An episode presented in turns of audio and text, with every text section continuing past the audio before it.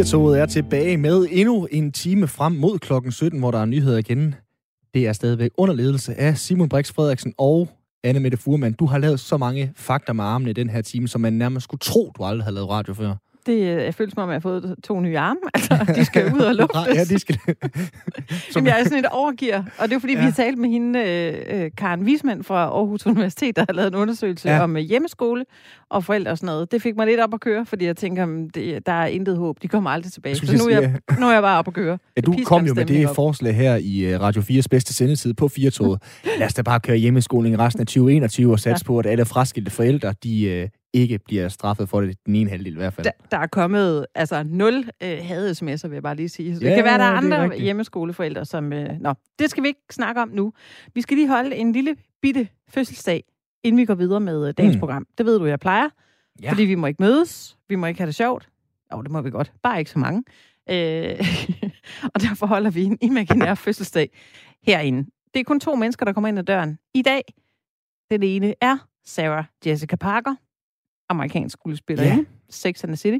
Valsen ind på øh, højhæle sko. På højhæle. Ja, par... det er... Hun har jo sit eget skomærke. Har hun det? Ja, det har hun. SPJ's shoes, og de er alle sammen altså alt for høje til, at jeg kan gå i dem. Men hun er også kun 1,24 meter nærmest. Er hun ikke det? Jo, men alligevel, så kan hun stavre afsted på de der høje hæle. Altså, ja, det er jo ikke noget med højden tror, at gøre. Der. Hun er verdens laveste tyngdepunkt. Hun er ikke særlig stor, er vi ikke enige om det? Nej, det er rigtigt. Hun er meget lille. Hun bliver 56 år, okay. og hun øh, kommer helt sikkert ind i høje hæle og har flottere hår end mig. Jeg tror, hun er sådan en, der har flot hår under lockdown. Anyways. Okay. Ikke? Er hun ikke bare sådan en... Hun har sådan en særlig rolle for, øh, for mange af jer kvinder, som har øh, kendt og elsket Sex and the City, kan ja. jeg næsten fornemme. Vi elsker bare Carrie. Fordi jeg, har, jeg har set nogle film med hende, øh, hvor jeg simpelthen synes, hun er irriterende. Øh, så jeg er ikke... Øh, og så har jeg aldrig rigtig set Sex and the City, så... Men fair nok, at hun er... Vi elsker hende. Hun er jeres Buddha. Ja, helt klart. Øh, der kommer en ny Elton... serie.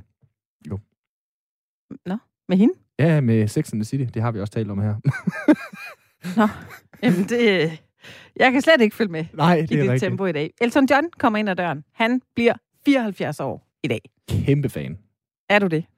Ah, kæmpe, det er måske store, store ord, som 29 år sige. Jeg står på forreste række og synger, Can you feel the love tonight? Uh, ej. ej, han har da lavet sindssygt meget godt musik. Det er, fordi jeg har altså. hørt Elton John den sidste, ja, de sidste to uger i hvert fald. Nå? This is Elton Johns playlisten på Spotify kører bare en masse, fordi jeg lige har set Rocketman. Og han har saftsus med lavet mange fede numre, som i virkelig mange fede numre. Ja.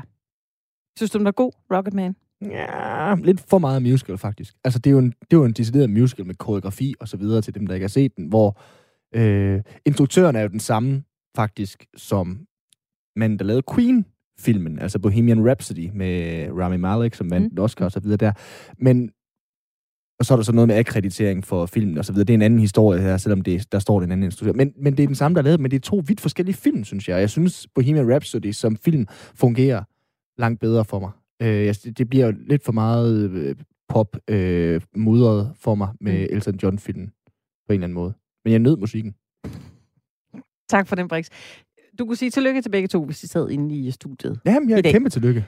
Er du sådan en, der leder efter urter? Når du er på vandretur med din kæreste, og går Nej. og kigger ned i, øh, i, øh, i skovbunden og tænker, ej, der er en lille, den tager lige med hjem i aften, så skal jeg lave en, en ret, ligesom de gør på Noma.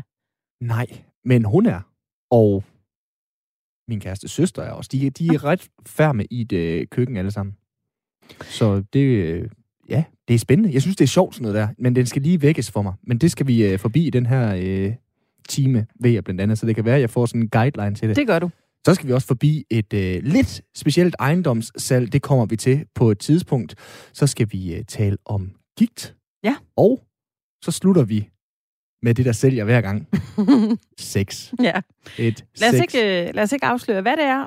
Vi, vi kan bare sige, at det kommer øh, til slut. Ikke? Er det ikke det? Jo. Og med det kan vi sige velkommen til den sidste time af Firtoget.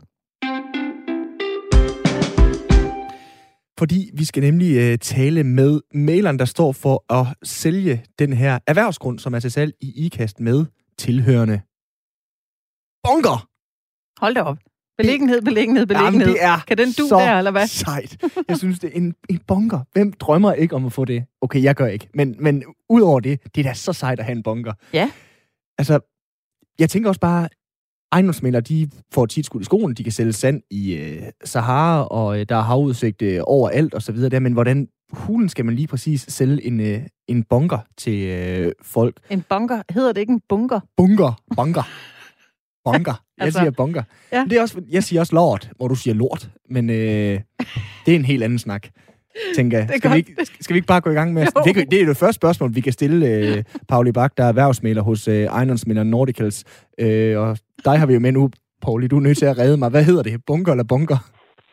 Hej, B4. Ja, det ved jeg heller ikke, og jeg er lidt god til, til, uh, til sprog eller sådan noget, så jeg kan lade også en, den bunker, så ved jeg ikke, hvem af jer, jeg er tilfredsstiller. Nej, det... Nej, ja. det hedder nemlig en bunker. er ikke en bunker. Det er jo en, en køjeseng. Nå, Pauli, det skal vi ikke, øh, det skal vi simpelthen ikke rode os øh, længere øh, ud i det her. Kan du se vand, når du står nede i den her bunker så? Det kan jeg faktisk, og det er ikke, det er ikke bevidst.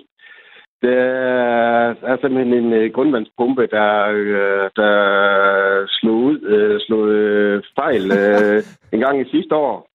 Og i og med den ikke blev brugt til dagligt, så er der ikke nogen, der har opdaget det i længere tid. Og så øh, står der faktisk lige for øjeblikket i går i hvert fald sådan 5-8 cm vand i nede i hele de 200, godt 200 kvadratmeter dernede.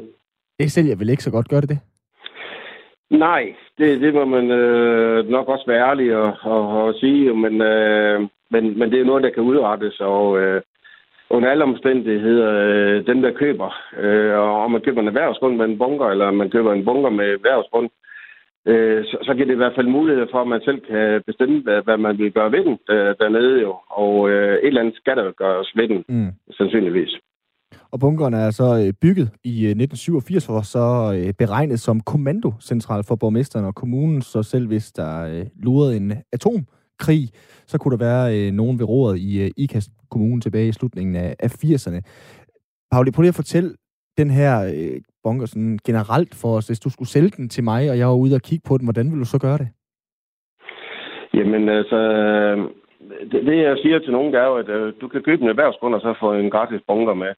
Eller du kan købe en uh, bunker, og så kan du få en, en gratis uh, erhvervsgrund uh, med. uh, men uh, jeg, jeg siger jo, at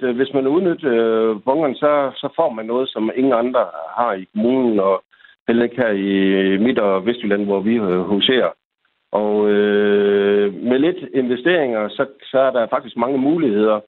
Du får ikke lov til at bo dernede, øh, men øh, du kan jo have det som et øh, showroom, du kan have det som en, en vinkælder. Der er faktisk øh, masser af plads til, du kan have mange øh, gode vine dernede.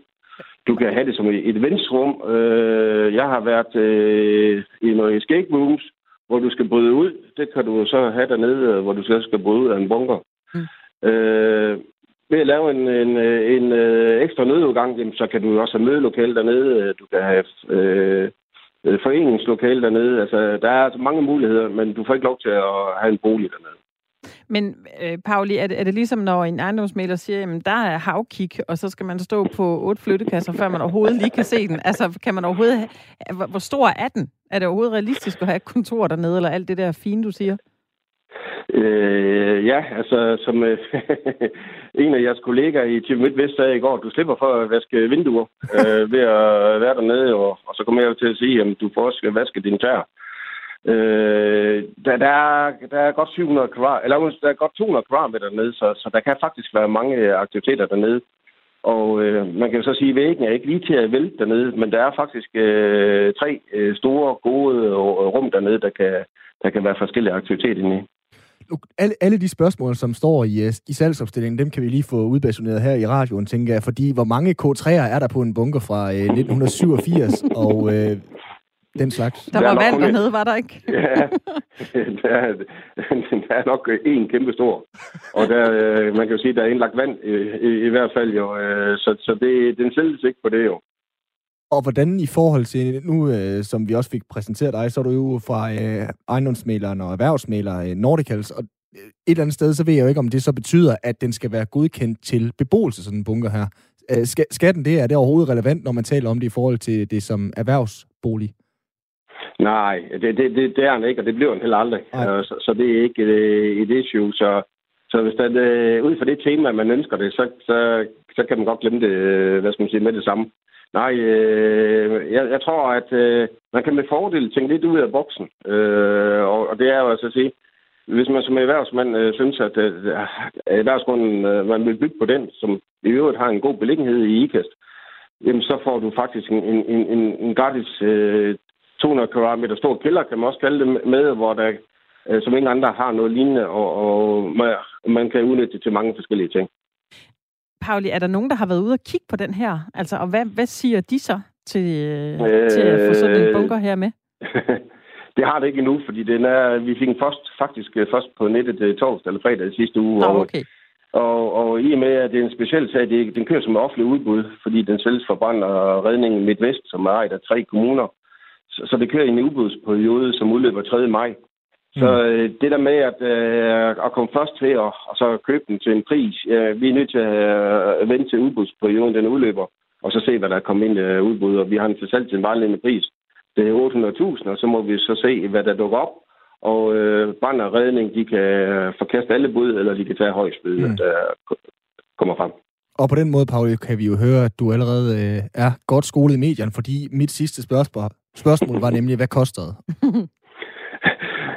Det koster, øh, den vejledende pris er 800.000, men øh, vi har solgt ejendomme for brand og redning før. Jeg har faktisk solgt en brandstation for dem før i boarding. Og okay. den gik jo faktisk for en højere pris end vejledende pris, og det håber vi også på, at der kommer her, men det er altså ikke noget, øh, vi ved. Og så lige tilbage. I sagde, at den hed beliggenhed, beliggenhed, beliggenhed. Ja. I og med, at det er sådan en, en bunker, så er der faktisk mange, der ikke har vidst, at der lå en. Så den har haft en beliggenhed, som ingen vidste noget om, eller, eller mange ikke vidste noget omkring i hvert fald før. Nej, det er vel også øh, noget, man måske kan sælge den på, sælge den på tænker jeg. Pauli, tusind tak, fordi du var øh, med her. Altid, og øh, fortsat øh, på pøj med jeres øh, gode program. Og i tak, og, og pøj pøj med at få solgt den der øh, bunker der, Pauli. tak skal jeg. Hej. Altså, Pauli Bak, erhvervsmæler hos ejendomsmæler Nordikalster, som der også blev sagt. Der er åben forbud indtil den 3. maj kl. 12. 800.000 skal man have op af lommen. Minimum. Ja, minimum. Det er jo Vil sådan du... en budrunde øh, der, så må ja. man jo lige... Øh, Ja, jeg øh, så det for mig. Nu sagde han showroom. Øh, altså alt det her særlige, man kan lave ja. dernede. Det synes jeg måske, mine børn ville elske det, tror jeg. De kunne lave øh, spille, spillerum derovre, tror jeg. jeg tror, at der er virkelig masser af fede ting, man kunne lave. Fordi ja. det, er, det, er også, det er også op i tiden lige at lave et eller andet trendy, lidt uh, råt område. Ja. Eller der. Du kan lave en uh, fed restaurant der. Jeg tror, min teenager han vil sige, jeg tager bunkeren, ja, det er min. Ja, præcis. Så uh, bor han derovre. Altså så også 200 vi... kvadratmeter. det er voldsomt nok. Ja. Vi er jo uh, public service her på 4 og Radio 4, så vi kan selvfølgelig ikke bare nøjes med at sige, se, der er en bunker til salg. Vi er også nødt til at hjælpe med lidt inspiration. Og det er jo næsten det, vi to er i gang med her nu, men vi må nok hellere, tænker jeg, Anna med det, få ja. lidt uh, professionelle til de her uh, kedelige detaljer og se muligheder i dem frem for begrænsninger. Og det uh, kan du jo hjælpe os med, Ida Holm. Velkommen til. Ja, tak. Du er øh, grafisk designer, så vandt du sammen med din kæreste Mads TV2-programmet Nybyggerne for øh, to år siden. Hvordan ja, vil du indrette en bunker på 200 kvadratmeter, hvor der er vand til anklerne? Jeg vil nok starte med det at fjerne vandet i hvert fald. Ej, men det, det, det er sjovt, du spørger, fordi det er faktisk noget, vi, vi har snakket om herhjemme, fordi vi egentlig har gået lidt og drømt om, at det kunne være fedt at finde en, en grund, hvor der var øh, en bunker. Øhm, nu er det her så godt nok ikke til, til privat brug, kan man sige. Øhm, men, øh, men jeg vil i hvert fald helt klart omfavne det. Altså man kan sige, man kan jo skrive det ned øh, og bygge noget ovenpå. Øh, men jeg synes, man får, man får noget foræret, som man ikke øh, bygger i dag, og noget man, med noget sjæl i, som man ikke kan finde i dag. Ja, du har jo nærmest sammen med, sammen med din kæreste Mads jo vundet et helt program på at se muligheder frem for begrænsninger. Hvad vil du helt konkret ja. gribe fat i, hvis, øh, hvis du skulle have en øh, bunker i kælderen? Ja, altså selvfølgelig med forbehold for, at jeg ikke lige ved, hvad, man, øh, hvad, man, mm. hvad der kan lade sig gøre. Øh, så, øh, så vil jeg tænke meget det her med nogle ovenlysvinduer. Øh, normalt, når man snakker hus, så kommer der jo lys ind på siderne øh, i vinduerne. Øh, men jeg synes, ovenlysvinduer kan noget helt særligt, øh, og man følger ligesom sådan døgnets rytme på en anden måde, når at solen kun kommer overfra. Øh, så hvis man har mulighed for at, at kan få lov til at, at lægge nogle vinduer ind overfra, så vil jeg synes, at det, det var en oplagt mulighed. Mm. Og så kan man sige, som jeg også selv nævnte, så det her med, at beton, det er jo, øh, eller sådan, det rå er lidt inde. Øh, og det er noget, mange de imiterer jo, det her beton og laver øh, sådan noget fake betongulv ja. og, og vægge. Og her har man jo ligesom fået det foræret. Øh, så hvis man sådan kunne, kunne fritlægge alt det der fede beton og, og få noget fedt ovenlysvinduer øh, ned på det, så tror jeg virkelig, man kan få noget øh, unikt. Hvordan får man noget varme ind? Fordi når vi taler bunker, og vi taler beton, øh, nu ved jeg godt, du lige nævnte, at, at det kunne være fedt med et ovenluftsvindue, øh, Ida, men, mm. men hvordan får man noget varme ind i øh, sådan et øh, rum på 200 kvadratmeter? Ja, altså i forhold til at få varme ind i dem, så et, et godt træk altid at få en masse træ ind. Mm. Øhm, så hvis man bare sørger for at få en masse lækkert varmt egetræ ind op imod det her rå beton, øhm, så får man altså virkelig et virkelig lækkert udtryk, tror jeg. Øhm, og jeg bliver helt fristet til selv at gå i krig med projektet. Det kan jeg egentlig godt forstå, når du nu øh, har den baggrund, du har, Ida. Vi har jo det her benspænd, at det er en erhvervsgrund, øh, og man skal ja. jo nok øh, tale lidt, lidt godt for sig hos kommunen for at gøre noget ved det. Hvad kunne være sådan en fed erhvervsmæssig udnyttelse af sådan et rum? Altså man kan sige, nu blev der også nævnt showroom, og det var også det første, jeg tænkte. Øhm, galleri, showroom, fordi at man har mulighed for at styre lyset på en anden måde. Altså hvis man kigger på museer, så er det også tit lukket fuldstændig af for lyset udefra, så man har mulighed for selv at øh, sætte det lys, man har brug for. Øh, så det var sådan det første, jeg, jeg kom til at tænke på. Derudover så er der jo også øh, jeg har noget, noget restauration øh, for den her vinkælder fornemmelse. Øh, jeg synes faktisk i virkeligheden, at den kan øh, det, som en, en oven jordisk bygning, havde jeg sagt, kan. Øh, forskellen er bare, at der er noget historie og noget sjæl her. Øh, jeg ser egentlig ikke så, altså, så mange begrænsninger. Jeg tror, man kan få noget virkelig fedt ud af det, øh, ligegyldigt hvilket erhverv man, man propper der ind. Ja, og det er vel også noget med at, ligesom at, at omfavne det, der, øh, der er der allerede eksisterende der. Altså, hvordan vil ja. du sørge for ikke at, hvad kan man sige, gøre skade på sjælen? Det lyder så højt ravne at stille mm, det på den, spørgsmål, ja, ja, ja. på den måde, men altså, forstår du, hvad jeg mener? Ja, jo, helt klart. Øhm, altså, det er jo noget med at, at beholde de huller i, i murene, der er, og lade det her rå beton få lov til at, at komme frem. Altså, man kan sige, det er jo en, et anderledes, en anderledes bolig. Øh, så der er ingen grund til at prøve at få det til at ligne et type hus, fordi det bliver det aldrig. Øhm, men, men det her med at få de rå øh, detaljer frem, og, og den samme indgang, som der allerede er, embrace de der detaljer, der er, øh, det synes jeg virkelig, man skal, man skal prøve, og så tror jeg virkelig, man kan få noget, øh, noget unikt ud af det. Og så håber vi på, at øh, gulvet det er lige, så man ikke skal i gang med at justere på det. Det er jo ledet med at være bøvlet. I ja, det er det. Tusind tak, fordi du var med her. Ja, som sagt. Altså grafisk designer, vinder af nybyggerne i uh, 2019, Anna Mette. Der skal, der skal spartles nogle steder måske. Det ja, man det må man sige. På. Men altså, øh, jeg, det, jeg der, hvis, hvis man gad at bo der, altså, jeg er da lidt solgt. Jeg ja, synes, det ville være fedt det at have sådan et sted, og man kunne lave alle mulige uh, forskellige ting, og man kunne øh, spille høj musik derude. Måske uden at man fik klager.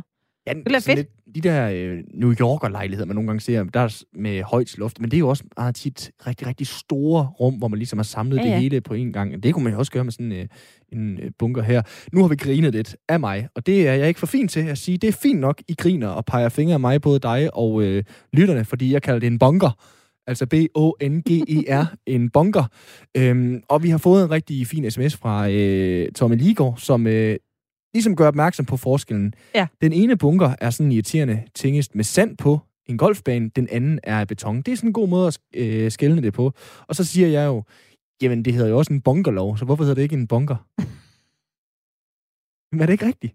Det hedder det bare ikke. Oh, det hedder en bunker. En, en Men øh, vi lukker den her, fordi vi skal til at tale om noget helt andet nu. Vi skal nemlig tale om øh, sankning. Det kan være et, et ord, der måske er lidt øh, svært at sige. Og hvad betyder det egentlig? Men det betyder at, at samle. Det er en gammel tradition, hvor man samler urter fra naturen, og vi vandrer jo rundt i den her natur hele tiden. Så kan man lige godt øh, kigge ned i skovbunden og se, hvad der findes af, af lækre ting, man kan sanke, og så derefter gå hjem og lave i sit øh, køkken. Der er kommet en øh, bog, eller faktisk en række bøger om øh, sankning. Den hedder eller den her bogrække hedder øh, Den Lille Vilde. Det er en bogserie, som mm. øh, består af fire små guides til Danmarks spiselige øh, vilde planter, og forfatterne bag er Thomas Laversen. Han er professionel sanker. Han leverer urter, og nu, altså han er oppe i den her liga, hvor han leverer urter til gourmet-restauranter som øh, Noma og Alchemist. Så øh, altså, det er, det er noget ved musikken, Brix. Da jeg så det her, tænker jeg, vi skal tale med en professionel sanger. Jeg ærger mig over, at det her det er radio, for jeg kan godt se et øh, visitkort, hvor der står øh, pro-sanger på. Altså, ja. jeg, jeg synes, det er... Det lyder så sejt, at øh, der findes professionelle sanger, fordi indtil i dag havde jeg aldrig hørt ordet. Nej, øh, det er noget. Vi skal tale med øh, fotograf Jannik Børlum, som øh, faktisk var idémanden til øh, den her bogserie. Velkommen til dig, Jannik. Mange tak. Dejligt, du vil være med. Allerførst, Selvfølgelig. er sankning så fedt, som det ser ud til i bogen? Selvfølgelig er det det. Selvfølgelig er det da det. Ja. Det er, det er mega fedt. Øh, du er idémanden bag bøgerne Den Lille Vilde, som er en, øh, en bogserie på, øh, på fire bøger. Hvorfor vil du gerne lave de her bøger med øh, Thomas Laversen? Jamen, det vil jeg, fordi at jeg synes, jeg stod og manglede dem. Øhm, jeg har sådan altid haft det sådan lidt som en hyggehobby, og sanket lidt, der har købt lidt forskellige bøger og sådan noget, men øhm, det slog mig ligesom, at de altid var sådan nogle hardcover books, og var lidt store og ikke rigtig til at tage med ud i naturen, og billederne, var, eller urterne var tit afbildet i sådan en, der, hvor de måske var smukkest, og ikke nøjagtigt, hvordan de så ud, der hvor man lige havde lyst til at gå ud og sanke og sådan noget. Mm. Så, så det var egentlig primært, fordi jeg synes, jeg manglede den. Ja, og du, øh, jeg bliver lidt nysgerrig, fordi nu, nu maler du selv det her billede. Man får den her flotte coffee table book, der øh, normalvis er lidt stor i størrelsen. Den er ikke sådan lige til at, at tage med ud på en lang vandretur. Hvordan, hvordan bruger man bøgerne så, og hvordan ser de ud? Jamen, de er, de er jo ret små. Altså, de er på størrelse med sådan en klassisk øh, turen går til bog. Så det er sådan en, en håndbog, en lommebog, eller hvad man kan kalde det, ikke? Øhm, og der er fire styks, og hver bog er delt op i en sæson planterne har sådan cirka fire sæsoner. Det er noget, vi har lavet, sådan at, at det giver mening. Øhm, så hver bog, er delt, øh, hver bog er delt op i fire biotoper, altså landskabstyper. Øhm, og så er hver urt afbildet med et billede af urten, og et billede af, hvordan det typisk ser ud, hvor den står. Mm. Og så er der en meget kort og præcis tekst til, så man ikke skal læse igennem alt muligt som egentlig er ubrugeligt, når du står og skal lede. Ja. Hvis man nu gerne vil i gang, øh, altså hvor, hvordan starter man? Jamen, man starter med at købe den lille vilde. Det er godt bud. og så læser Super. man grundigt igennem. Så sidder man Nej, derhjemme så... i sin sofa og læser om den og tænker, Jamen, det er da fint, nu ved jeg en masse om, om urter. Lige præcis, lige præcis. Nej, men altså, man skal jo bare ud og prøve. Altså, og man, man, kan jo, altså, man kan jo bakke det lidt op med at søge på nettet også. Og, men ud og, ud og prøve. Find noget. Men så siger vi så i weekenden, jeg har den lille vilde. Øh, jeg skal ja. til Mols. Jylland, God idé. Og, og så øh, kører jeg op til Trahøje, og så øh, begynder Også jeg ellers at, at begive mig ud. Hvad kan jeg finde så tager der? Du, så, tager du, så tager du bog 1 med. Ja. Og hvad hedder det? Fordi at den dækker fra april til maj, så det er sådan nu her.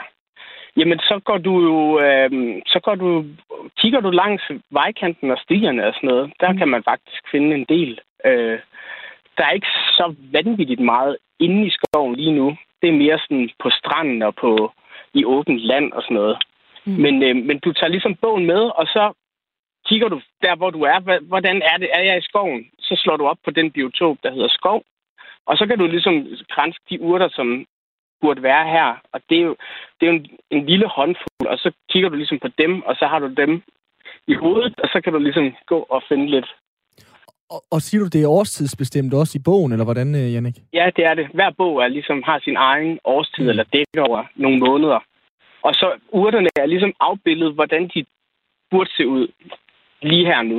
Ja. Så der er nogle af urterne, de går igen i bøgerne og sådan noget, men så, så er de ligesom afbildet et andet stadie. Og nu siger du jo selvfølgelig, at, at den lille vilde, den er jo mere praktisk end, øh, end sådan et ordentligt øh, køleskab, der kan ryge ind som øh, coffee table book. Altså, i forhold til øh, sådan noget med, hvad du kan bruge urterne til. Altså, en ting er jo at gå rundt øh, ude i naturen og have de rigtige fodformede sko på og synes, det er fedt. Men, men når du kommer hjem og så kan bruge dem i madlavning, eller hvad hulen det nu kunne være, øh, hvor meget hjælp er bogen der?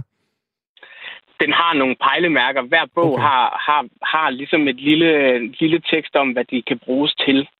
Øhm, men det er ikke mere end det. Mm. Fordi at, altså, tanken med den her bog var ligesom, at der skulle skære så mange øh, unødvendige ting fra i processen i at finde urterne. Og så have det så præcis som overhovedet muligt, fordi opskrifter kan man jo finde masser af på nettet, og jeg synes sådan set også, at opskrifter er, de er ikke så tidsløse, de følger som regel en tendens. Mm. Så, så det vigtige var ligesom at, at lave værket, som var, som var, var det bedste middel til at gå ud og, og finde det. Så det her er en turen går til sankning, eller Lonely Planets Guide til sankning, eller hvad? Ja, det kan man godt sige. Øh, Jannik Thomas Laversen, som jo er professionel urtesamler, han, han samler jo urter til, til restauranten Noma og Alchemist. Altså, de er jo lige op i en, øh, en rimelig høj liga. Øh, mm. Er det så bare, hvad han kan finde og lige synes, de skal have, eller kan, kan man ligesom øh, bestille nogen? Du ved, kan man ligesom sige, nu er det det, så skal du finde dem og dem? Altså, er han Jamen, sådan, jeg tror, kan jeg tror, han er dygtig til at, ligesom, at have god kontakt med alle hans uh, samarbejdspartnere, så melder han ligesom ind, hvad der er lige nu, og hvad der er super godt lige nu. Altså, na- naturen er jo, som den er. Den kan du ikke stille uret efter, nødvendigvis. Så det kan jo godt være, at det lige er en måned for skudt, eller ikke. Eller sådan. Det, det, det er lidt specielle tider. Mm.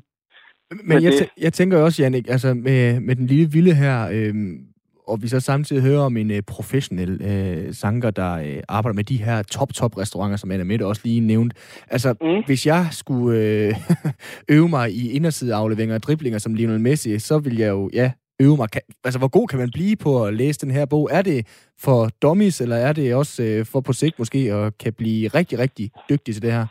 Sankning. Jamen begge dele. Den er, den er virkelig for dummies. Altså, der, der, der, altså man kan sige, urterne er jo lidt i forskellige sværhedsgrader. Øhm, hvad kan man sige? En mælkebøtte, den kan du nok godt finde, tænker jeg umiddelbart. Tak hvad for de det? høje tanker. Hvad, hvad kan man ja. lave med den så, egentlig, Janne?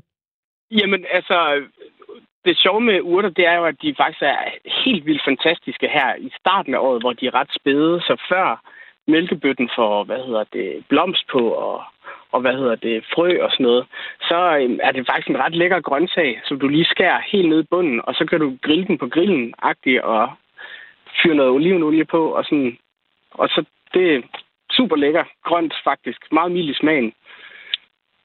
Ja. Men, men der findes også, altså der er også mere komplicerede urter deri, som du skal ned og finde i et lille ferskvands, eller rent vands vandløb, eller et eller andet. Så, så, så det er ligesom, du, altså, jeg tror ikke, man lige sådan gennemfører den på første år, eller hvad man siger. Så den kan jo lige så godt... Den kan lige, altså. Tillykke. Game over. Game over. Jeg øh, tænker lige, at det kan være, der sidder nogen og lytter med nu, som øh, rigtig gerne vil ud og finde nogle urter. Så her øh, til sidst, Jannik, når det er øh, slutningen af marts, hvad kan man, hvad kan mm. man finde derude lige nu, som, øh, som, er, som smager godt?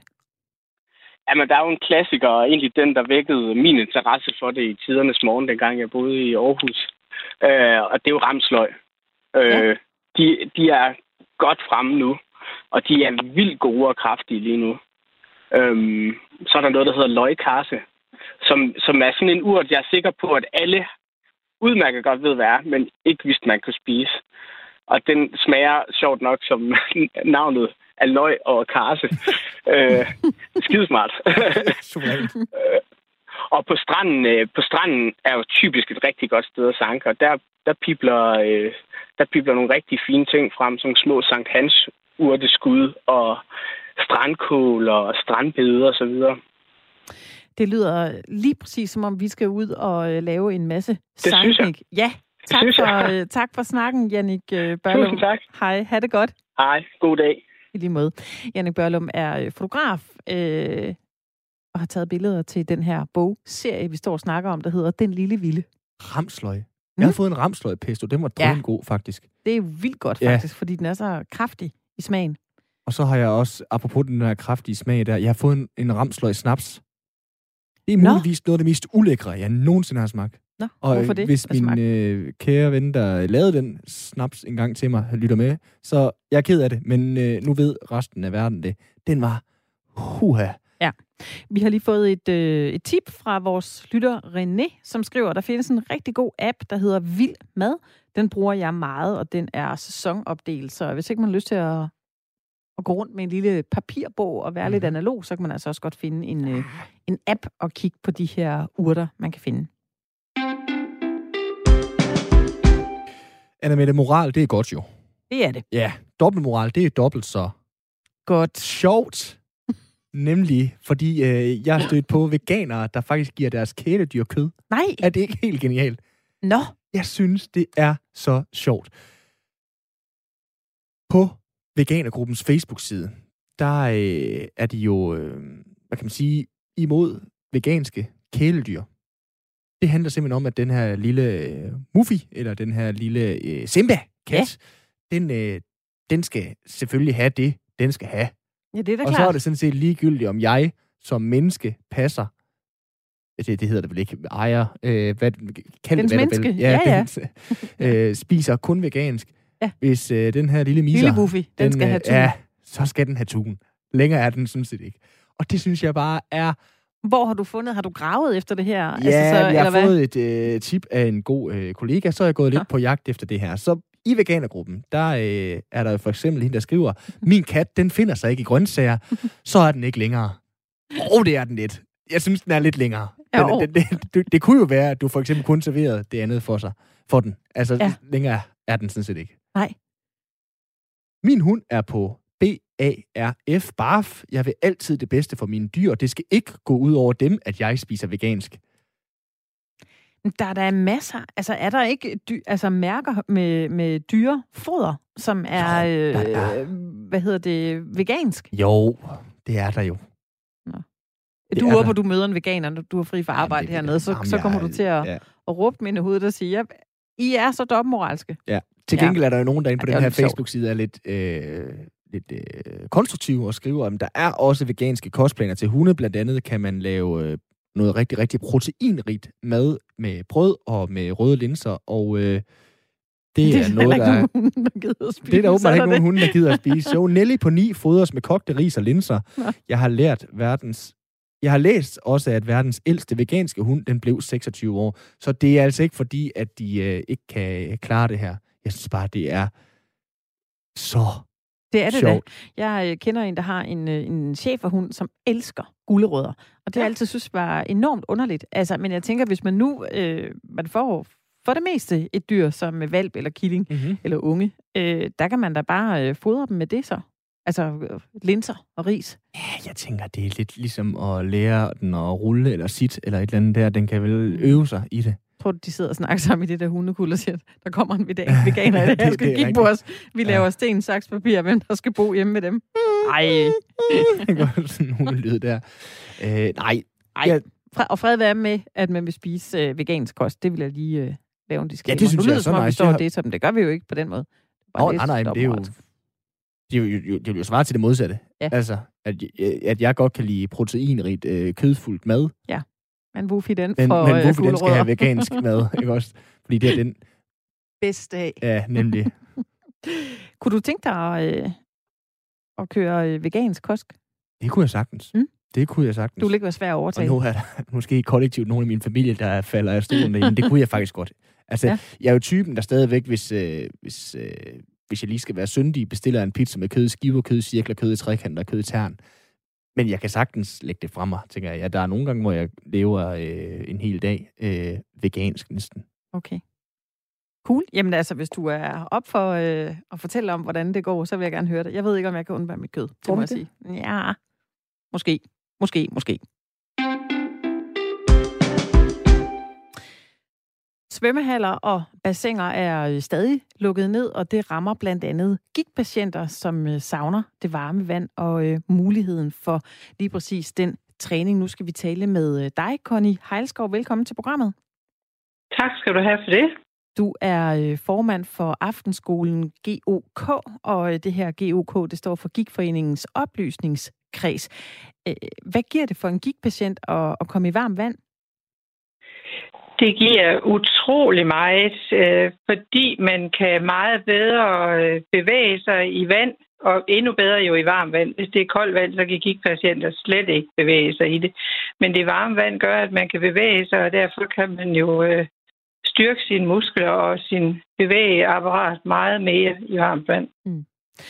Og vi har jo ringet til dig, fordi vi fandt over et, øh, et læserbrev i Politikken. Der var en uh, Mette fra Charlottenlund, der havde skrevet, at hun havde følt sig glemt i den her pandemi, og det var kommet så vidt for hende, at hendes læge havde anbefalet en rollator, altså fordi hun ikke kunne komme ud og øh, bevæge sig i det her varme vand.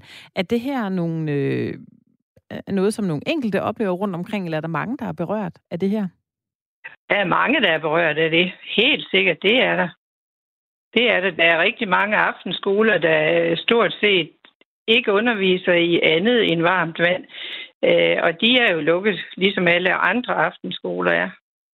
Men hvordan, jeg skal også lige øh, forstå det, fordi jeg har jo også hørt om det her med varmt vand er, er, er godt for øh, ikke kun øh, gigtramte, men også rigtig, rigtig mange andre i forhold til mobilitet og led og sådan nogle øh, ting, Connie. Men hvor meget, øh, hvor meget skal man være i vandet? Altså, det, betyder det, at, øh, at man føler sig frisk resten af dagen, hvis man har haft en halv time i en, i en svømmehal, eller, eller hvad skal der ligesom til, for at det her det hjælper? Altså, det, det er nok forskelligt afhængig af, hvor meget og hvor lidt øh, det generer det, man nu har at døje med. Jeg er opereret for en diskoplaps i 98, og jeg er i vandet en gang om ugen i 45 mm. minutter.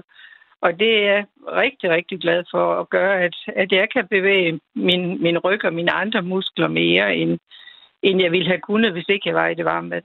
Ja, så kan jeg jo så tage den op med dig, så Connie. Hvor meget giver det så dig, de her 45 minutter en gang om ugen? Vil det være endnu bedre, hvis du fik uh, to gange om ugen? Kan du godt mærke i slutningen af ugen, at det begynder at knirke og gøre lidt ondt? Eller, eller hvordan fungerer det sådan helt lavpraktisk for dig? Ja, det, det tror jeg helt klart, at det vil være bedre to gange om ugen. Men det er der så ikke mulighed for der, hvor jeg bor. Jeg mm. kan ikke komme, der er ikke så mange pladser, så jeg kan komme på to hold i løbet af en uge. Connie, øh, det kan være, det er et, et dumt spørgsmål, men, men hvad hvis man finder nogen, der har karbad? Altså hvis man så ligger i varmt vand, er det, hjælper det noget? Det, det tror jeg, det gør, men, men der bevæger du dig jo ikke, så der styrker du jo ikke dine muskler. Det gør du jo, når du bevæger dig i det varme vand. Mm. Rigtig meget, faktisk. Fordi vandet jo har en modstand og hjælper på at styrke musklerne. Ja. Er der nogle af jeres øh, kursister, der, der så har måttet ty til den her løsning? Det har jeg ikke hørt i hvert fald, men der er mange, rigtig, rigtig mange, der savner det vildt meget og glæder sig til, at vi kommer i gang igen. Det er helt sikkert. Ja. De kan helt klart mærke det. Så når vi holder sommerferie, så siger de, åh nej, nu var det længe, inden vi kommer i vand igen. Ja. Så, så det kan de helt klart mærke. Og hvad med vinterbadning? Fordi det er der jo altså rigtig, rigtig mange, der har øh, kastet sig ud i. Det skulle være ja. så sundt. Kan I ikke bare øh, vinterbade ja. i stedet? Og det kan vi under ingen omstændigheder, hvis man har noget med sine muskler og sin led. Fordi de, de bliver fuldstændig stive, hvis de kommer i det der kolde vand. De kan ingenting. Mm. Og du har selv gigt. Hvordan kan du mærke, at, øh, at du mangler turene i det varme vand? Altså, jeg, jeg har mere ondt i min ryg, end jeg, end jeg plejer at have, og, og jeg går heller ikke lange ture, for jeg får simpelthen ondt i ryggen af det. Så, øh, så på den led kan jeg i hvert fald godt mærke det. Mm. Og, og jeg er jo ikke af dem, der er hårdere stram, kan man sige. Hvem, hvem er, altså dem, der er hårdere ramt end, end dig, hvad, hvad gør de så? Altså, hvad kan være konsekvensen? Skal de have en, en rollator, som vi uh, kunne, uh, kunne forstå hende? Det, Mette for Lund, der havde skrevet. Det kan, det kan godt være konsekvensen. Ja. Og så, så vil de jo have mere ondt og spise mere smertestillende medicin, mm. og deres øh, bevægelighed og, og, og det, de kan gøre og være selvhjulpen, vil jo blive meget mindre. Hvor lang tid, øh, Connie, kan man holde ud og, og gå sådan her? Øh, det tror jeg, der er et spørgsmål om, hvordan man er indrettet op i sit hoved. Ja. Føler du, du, du skal gøre en, en ekstra indsats for at, at holde dig ja. oven vande? Det, det gør jeg. jeg. Jeg gør de øvelser, jeg kan hjemme. Øh, så, øh, så det gør jeg. Ja. Når I nu kan komme i gang igen, fordi selvfølgelig så, øh, så åbner det jo på et tidspunkt. Øhm, ja. Kan man så risikere, at det tager noget tid at, at finde formen igen, eller at man måske aldrig kommer helt op øh, i det samme gear, som, som man kunne før nedlukningen? Det vil helt klart tage tid at finde formen igen. Det er helt sikkert, fordi man skal ikke gå alt for voldsomt til værks, fordi så får man faktisk mere ondt, fordi man jo kan mere i vand, så, så gør man måske mere end det, man egentlig kan holde til, og så får man jo mere ondt end det, man måske egentlig havde, da man gik derhen. Mm. Så, så det skal, man skal gå langsomt til værks til at begynde med, og, øh, og jeg tror da, rigtig mange vil kunne, kunne komme op på det niveau, de havde, inden der blev lukket. Jeg kan også godt frygte, der kan være nogen, som, øh, som måske ikke kommer det. Fordi ja. det, det kræver helt klart en indsats at, at komme op i niveau igen. Det er helt sikkert. Det vil det gøre. Tak, fordi vi måtte uh, tale med dig, Conny Heilskov, og så uh, held og lykke med det hele fremadrettet. Vi krydser tak. fingre for, I snak kom uh, i det varme vand igen. Det er vi mange, der gør, det er ja. helt sikkert. Så. Kan du have det godt? Selv tak. Tak lige måde. Hej. Hej. Det var Conny Heilskov, vi talte med her, der er formand for øh, Aftenskolen GOK, som står for Gigtforeningens oplysningskreds. Brix, vi skal til noget helt andet nu. Vi skal en tur, en tur til Stavreby Skov ved Middelfart. Nå, der? Ja, og vi skal ikke tale om sankning nu. Okay. Fordi det, hvis man gjorde det, og tænkte, man kunne gå i, i fred og ro med mm-hmm. sin lille urtbog og kigge øh, ned i skovbunden, så ville man blive en lille bitte smule øh, forstyrret. Ja. Man kunne både blive forstyrret af nogle øh, mountainbike-ryttere, som øh, kommer susende forbi, fordi der er bygget et nyt mountainbike-spor. Men man kan også blive en smule forstyrret af en masse mænd, der har sex med hinanden i det fri. Mm. Lige præcis på det her område i Stavreby Skov. Hvis det nu var dig, der kom kørende på en mountainbike og tænkte, jeg skal simpelthen ud øh, og køre på det her nye spor. Det har jeg ikke prøvet længe. Det ser fedt ud. Og så kommer du susende forbi, og så står der 10 mænd og har øh, sex med hinanden. Hvad vil du gøre? Jeg vil nok finde panikgearet, og så bare tons forbi. Er du sindssygt, mand? Ja, du vil ikke stoppe op og sige, hvad, hvad laver I egentlig? Nej, nej, nej, nej, nej, for Ej, guds skyld. Jeg vil da ikke forstyrre.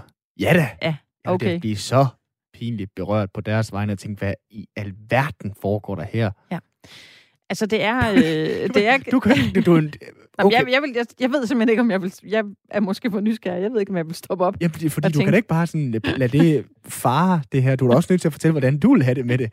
Jamen, Må jeg være med, eller men hvad? kommer det til at lyde som... Øh, som en, der er sær, hvis jeg siger, at jeg stopper op og, og kigger. Det er ikke, fordi jeg vil kigge, men jeg tror simpelthen, jeg måske ville blive så overrasket, at jeg bare ville stoppe og, og tænke, må, må man det? Nå, for nu at citere en Lennes udødelige ord, jeg går gennem gaden og kigger lidt på vinduer. Jeg er jo sådan en type, der går og kigger på ting, der ja. ligesom falder i øjnene, når jeg øh, går gennem byen og øh, går i skov og sådan nogle ting der. Og det her, det vil selvfølgelig springe i øjnene. Det er jeg jo nødt til at indrømme. Så, så der vil også være det der med, mine øjne kan ikke fjerne sig fra det. Nej, altså, det, det, det, det, jeg mener.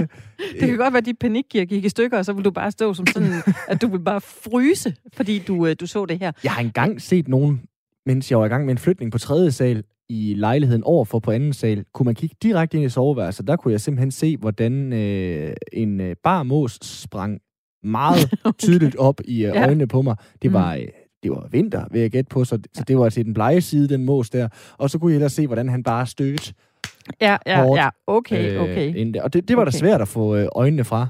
Ja. Også det... da de skiftede stilling og så videre. Men det, altså, det er også mærkeligt. Det, det, der giver lidt, lidt udfordringer i den her sag, det er jo, at det er et nyt MTB-spor. Altså, og, og der er mange oh. af dem, der så øh, søger ned mod et nyt MTB-spor, som måske ikke lige kender øh, den her skal vi sige, uh, uofficielle hemmelighed, at det er der, at mange mænd har sex med hinanden. Uh, det har givet lidt sammenstød, fordi nogle af de her mountainbike har fået det ligesom Hvilket dig. slags sammenstød? De, ja. det er godt, vi snart skal stoppe for i dag. men, men de er jo blevet utrolig flove. Og de synes på ingen måde, de har øh, lyst til at, øh, at kigge på det her. Og der er også nogen, der har udtalt, at de, altså, må man egentlig det? Og der har Fyns politi så øh, været ude og oplyse, i, det kunne man læse i en øh, artikel mm-hmm. på tv2.dk, øh, TV2 Fyn, at øh, de siger så, at der er egentlig først tale om en ulovlig handling, når der er nogen, der med fortsæt har forsøgt at blufærdighedskrænke. Når der er tale om et nyt mountainbikespor, så kan det jo godt virke til, at de her mænd ikke har været opmærksom på, at der er andre i den del af skoven nu, okay. det siger vagtchef Kenneth uh, Tandqvist til TV2 Fyn.dk. Og, og det er jo det. Ja de her ting, det er jo vores sted. Her er vi. Og så er der nogle frivillige, der har gået og bygget det her mountainbikespor, måske nok ikke med en øh, bar mås lige op i øh, fjæset, og tænkt, den, det, det ligger perfekt her. Ja, det er rigtigt. Ja. Vi mødes nede på det hemmelige sted, kan de skrive på jorden, og så er nogle ja. knap så hemmeligt mere. Altså, det er jo... Øh, der er jo mange steder i Danmark, hvor man øh, mødes og dyrker sex. Altså, på den måde. Også Amagerfællet. Jeg bor over, over for Amagerfællet. Der øh, er også gang i den. Ja. Ved jeg. øh, fra nogen, der har været ude at løbe, som er pludselig har faret vild, og så har løbet ind ad en forkert vej, og så har forsøgt at finde ud igen, og så er de simpelthen havnet i... Øh, jeg kender faktisk en, en politibetjent, som, øh, som var venner med min, øh, min eksmand, og så han kom ja. så tilbage efter sin løbetur over på Amagerfældet. Han var på besøg hos os, ja. og han kommer hjem med altså, kæmpe store øjne. Altså, fordi han er betjent, og han, ja, ja, ja. han var jo blevet... Han var faktisk blevet lidt, lidt ræd. Ja. Jeg havde tænkt, jeg dør, hvis jeg løber igennem det her. Så jeg skynder mig bare at løbe hjem. Og egentlig, hvor han tænkte bagefter, at skulle have gjort noget. Jeg er jo politibetjent. Men altså, det, det, man kan så sige, at de var godt gemt, så der var jo ikke tale om nogen, der her havde mm-hmm. forsøgt at blufærdighedskrænke. Af alle pauser, du kunne holde, mm-hmm. så synes jeg måske ikke, det var den mest passende, den der... Nå. Jeg, har, jeg ved, at de har gjort det rigtig meget over på Amagerfældet, fordi jeg kender nogen. jeg har aldrig... Øh, ja, det er fordi... Ja, sådan, jeg har ikke oplevet det selv. Altså, det har jeg ikke. Og okay. jeg tror, at hvis jeg gjorde det, så ville jeg... Øh, jeg vil ikke løbe skrigende bort. Øh, måske men jeg vil bare skynde mig at komme væk derfra. Og hej, hør nu lige, hvad foregår der her, venner? Nej, det vil jeg simpelthen ikke. Det, men ja, det, det, er jo, det er jo... Det må være koldt, forestiller jeg mig. Det tænker jeg at man er ligeglad med, er man ikke det? Jamen, altså, hvis de jeg er ligeglade med, at der kommer mountainbike løb eller rytter forbi, så er de vel også ligeglade med ja. temperaturen. Hvis man nu skal ud og køre på mountainbike i påsken, og det er super godt vejr, og man har hørt om den her øh, lækre rute, der er ved Stavby Skov ved Middelfart, øh, så kan man vide, at det måske er der, man kan få en lille ja. ekstra oplevelse på sin, øh, på sin rute. Så kan man jo selv bestemme, hvor mange gange man vil køre den. For, øh, ja. det, er også, det kunne også være en helt ny sportsgren. Sådan en form for øh, duatlon. Cykel og sex. Jeg synes, du skal pitche den ja, øh, et sted. Der er sikkert en mountainbike-klub øh, et eller andet sted. Øh, Simon Brix, der synes måske, det er en, en smadret god idé. Men øh, det var da en, en serviceoplysning til, øh, til de mennesker, der skal ud og øh, købe mountainbike omkring det her sted ved Stavby Skov i Middelfart. Om ikke så forfærdeligt længe, der er øh, firetoget slut for i dag, denne torsdag den 25. marts, der er øh, Stream and Chill efterfølgende, og øh, det er jo med vores øh, gode ven William Eising, som vi allerede har haft inde i dag til at tale om Paramount Plus. Ja. Og øh, man kan faktisk sige, at vi kan starte og slutte programmet i dag med det samme dyr. Hvad? Fordi vi startede programmet med at tale om øh, Tolkien. Mm-hmm. Og så tænker man måske, hvad har han med nogle dyr at gøre? Jo, det var fordi, da han var barn, så var han, øh, øh, der blev han bit af sådan en kæmpe tarantel. Hvad var det, den Nå, hed? Bam, bam. Den hed baboon. Præcis. Meget stor, klam æderkop, der bider ham. Ja. Æ, øh, og derfor øh, formoder man, at, øh, at Tolkien, der har skrevet alle de her bøger, mm. øh, lader en, øh, lader en æderkop indgå i sine fortællinger. Det var der jo i øh, Ringende Sager 3, ikke? Der var den der kæmpe æderkop, der øh, ruller Frodo ind øh, i det der spil. Øh, vi kan slutte på en lille historie med æderkopper også, fordi i øh, Australien har der været jo øh, nogle af de værste oversvømmelser i, mm-hmm. i årtier. Øh, og ikke nok med det, så har den øh, australske delstat New South Wales, de er blevet øh, advaret om en plage bestående af, og her vil du øh, virkelig ikke få det særlig godt, hvis du var bange for æderkopper. Øh, den her plage, den består af verdens dødeligste æderkop. Mm. Øh, de kan være på vej til at myldre frem nu. Man ved ikke helt, hvorfor. Men jeg så en film på TV2.dk, en lille video af nogle af de her borgere, der har taget det. Og der kan man se et plankeværk, du ved, sådan ja. fire meter lang plankeværk. Det er ret højt, måske et par meter. Det er fuldstændig spækket med den her æderkop, som faktisk er en lille bitte æderkop, men ikke desto mindre Ej. verdens dødeligste æderkop. Og, og, og jeg, jeg, jeg har forbi, fordi jeg, jeg, jeg kan mærke det fysisk nu, hvor vi taler om det. Ja. Oh. Altså isoleret set, Australien er jo muligvis det værste land i verden at tage til. I forhold til æderkopper og kryb? Dyr. Ja. Generelt. Altså, de har du er, været der? Nej, Nej. det har jeg ikke. Du bliver hjemme ja, og jeg bliver hjemme. Jeg skal du absolut ingen steder. Når jeg er syg for rebel, så er jeg så er rigtig langt væk hjemmefra. Hvad hedder det? Nej, men jeg synes virkelig, at det er et... Øh, altså, det er jo fantastisk smukt, og de har sindssygt mange ting at byde på. Jeg kan godt lide at dykke, jeg kan godt lide at øh, trek, alle de der ting der, som Australien jo også kan byde på. Fede store byer og så videre der. Ja. Så jeg gad jo rigtig godt til Australien. Der er Men bare det der... så mange klamme dyr i Australien. Ja, det er, er ikke virkelig. nok med, den er klam. Den er dødelig. Ja. Altså, jeg vil jo være sind syg bange for at stikke tæerne ned i en sandal, så sidder der bare sådan en lille bitte øh, tingest, jeg tror var er noget fnuk mm. eller noget, og så børster jeg den væk, og så bliver jeg bit, og så dør jeg i Australien. Det gider jeg ikke. Og du, hvis du sådan skal pitche for mig sådan en gængse australier.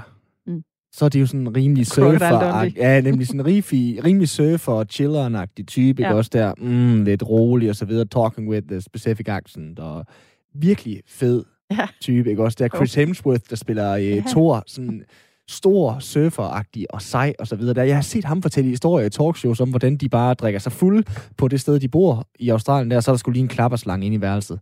Den går de bare ind og tager med en pind, fordi, yeah, hey, it's Australia. Øh, ikke også? It's Margot Australia. Robbie, som er øh, ja, halv Australier, vel også øh, øh, ret så øh, dygtig og køn skuespillerinde, Margot Robbie, der er fra Wolf of Wall Street. Ja. Hun har også fortalt om, hvordan de bare klasker en øh, æderkop med en fluesmækker der. Ja. Og så finder de så ud af bagefter, den er egentlig ret, ret giftig, den her. Ja. Jeg har fundet en top 10 over de øh, farligste dyr i Australien. Ja. Hvad er det, den her æderkop så? Nej. Hvad så? Den, Vi har lige et minut. Den er nummer Spæng. 7. Nå, hvad er det farligste? Det er en havvips. Havvipsen tager prisen som det farligste dyr i Australien. Det ligner en helt almindelig goble, men har fået navnet havvipsen på grund af dens 3 meter lange, giftige fangerarm. Det er virkelig godt, der er lockdown, og vi kan komme ja. ud og rejse, var. Sammenlignet med blæksprutten indeholder den nok gift til at slå 60 mennesker ihjel. Oh. Ja. Nok for de øh, uhyggelige dyr. Vi er så småt ved at være øh, færdige med øh, dagens udsendelse i dag. Der er kommet en del sms'er på vores indslag med sankning, altså at gå ud og samle urter i, i naturen og tage dem med hjem og lave en, en lækker ret. Og som en ekstra servicemeddelelse kan vi lige sige, at, øh, at øh, fordi det er blevet så populært at vandre, så er der kommet 288 helt særlige danske vandrestier på hmm. Google Maps. Så nu er det altså slut med at, øh, at fare vild. Har du fået styr på dine øh, løbesko, så du kan komme ud og vandre? Ja, ja, jeg har da også vandrestøvler. Selvfølgelig, som en øh, ægte lockdowner har jeg da købt mig et par vandrestøvler. Man skal ikke gå ned på udstyret, furmand. Nej, og det gør du så heller ikke? Nej, på ingen måde. Øh, vi er ved at være øh, slut for i dag. Men apropos vandre, så kan jeg måske lige øh, sige, at i morgen, der skal vi tale med øh, Stig Tøfting i programmet, fordi han har været ude og vandre en sindssygt lang tur ja. på over 100 km. Han tabte et vedmål om, hvem der ville vinde præsidentposten i øh, USA, og øh, den, der tabte, skulle altså ud på den her meget, meget lange rute. Og jeg læste en artikel med ham i dag, hvor han sagde, jeg hader at gå. Det er det mest røvkedelige, man kunne forestille sig. Ham skal vi blandt andet tale med i uh, morgen, og så skal vi også tale med Svend Brinkmann. Ja. Som har... Han har skrevet en ny bog. Det bliver godt. skæbnen. Om skæbnen. Simpelthen. Og hvis ikke det er et godt emne til en fredag, så ved jeg ikke, hvad det er. Det er skal også en påske. Uh, vi skal endda også tale med Danmarks måske bedste skolelærer. Og snakke om det her skolelærer begreb nærmest. Fordi hvor fedt er det ikke at have en lærer, man altid kan huske tilbage på. Det har du garanteret også, men alt det det er først i morgen. Her nu, der er der stream and chill lidt senere. Vi kan bare sige tak for i dag. Lytter til Specialklassen. Velkommen til Dyrebrevkassen. I dag har jeg fået et brev fra en pyton, der hedder Flemming. Og Flemming han beskriver sit problem sådan her. Kære dyrebrevkasse, jeg er en glad slange, der har mødt kvinden i mit liv, og vi tænker at flytte sammen. Men der er altså også et menneske i paradis. For jeg har samlet hele mit liv. Det er alt lige fra bøger og kapsler, men især har jeg hele livet samlet på mine egne gamle ham. De betyder rigtig meget for mig, men Gitte, som min kæreste hedder, ser gerne, at vi indretter et fælles hjem med fælles ting, og at der ikke er helt så meget fra vores individuelle fortid. Jeg kan nu mærke, at min frygt går på, at jeg bliver nødt til at vinke farvel til min samling af tidligere ham, og det har jeg rigtig svært ved. Jeg skal være hudløst ærlig og sige, at de ham virkelig betyder meget for mig. De er jo en del af mig. Selvom det er min fortid, så har de om noget formet mig til den, jeg er i dag. Jeg vil helst ikke bare smide dem ud. Hvordan holder jeg fast i mig selv og min skønne Gitte? Jeg frygter, at jeg ikke kan begge dele. Hilsen Flemming. Ak ja, kære Flemming, det, det er noget værre noget med den fortid, som vi alle render rundt og af gode grunde har med ind i et nyt parforhold. Men øh, lige her, der tænker jeg, at du måske kunne opbevare dine gamle ham op på loftet, eller et depot eller noget. Fordi på den måde, så laver du et fint kompromis i ikke at have dem liggende fremme, men heller ikke at skulle smide dem ud. Jeg håber, det kan hjælpe dig. Det er i hvert fald mit bedste bud her fra dyrebrøvkassen.